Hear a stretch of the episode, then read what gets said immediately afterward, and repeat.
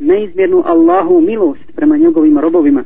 Kako kaže Ibn Qayyim, čovječe o sine Ademov žališ se žališ se onima koji nemaju milosti prema tebi na onoga koji je neizmjerno milosti prema tebi. Dakle ti se čovječe žališ ljudima.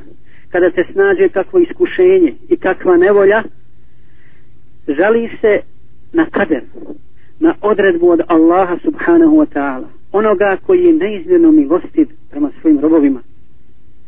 A zar ne vidiš o sine Ademov kolika je Allahova milost prema tebi i prema svim ostalim stvorenjima? Zar ne vidiš dijete kad se rađa odnosno dijete dok je u majčnoj utrobi kako ga je Allah obskrbio iz svoje neizmjerne milosti i svojih riznica na fake i obskrbe?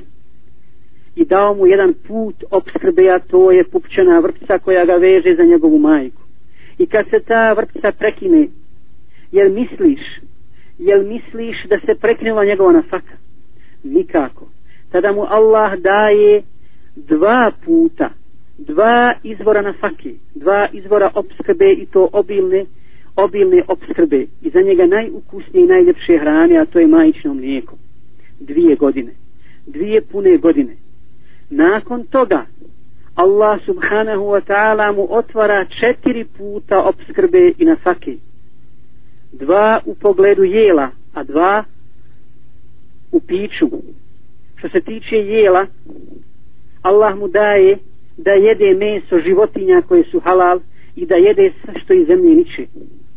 A što se tiče pića Allah mu daje vodu kao najbolje i najljepše piće i ponovo mlijeko životinja mlijeko dozvoljeno piti.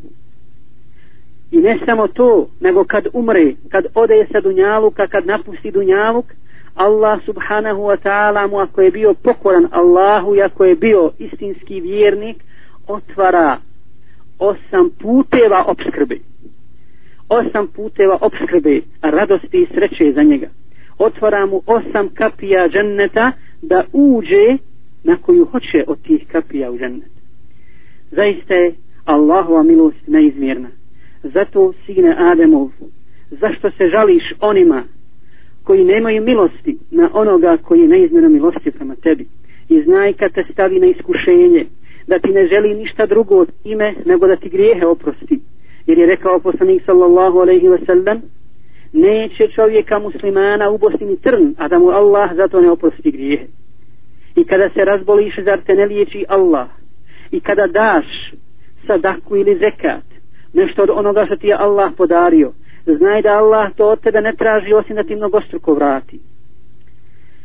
To su dakle riječi Ibn Qajima o Allahovoj neizmjernoj milosti da nas malo vrati i podsjeti na Allaha na njegovu milost na njegov rahmet na njegov makfiret i oprost. I oprost i e, na njegovu obzira koliko mu ljudi griješe, kao što je griješio Malik ibn Dinar koji se nije zadovoljio kaderom Allahovim, pa je svoju tugu htio da izliječi griješenje prema Allahu subhanahu wa ta'ala. E,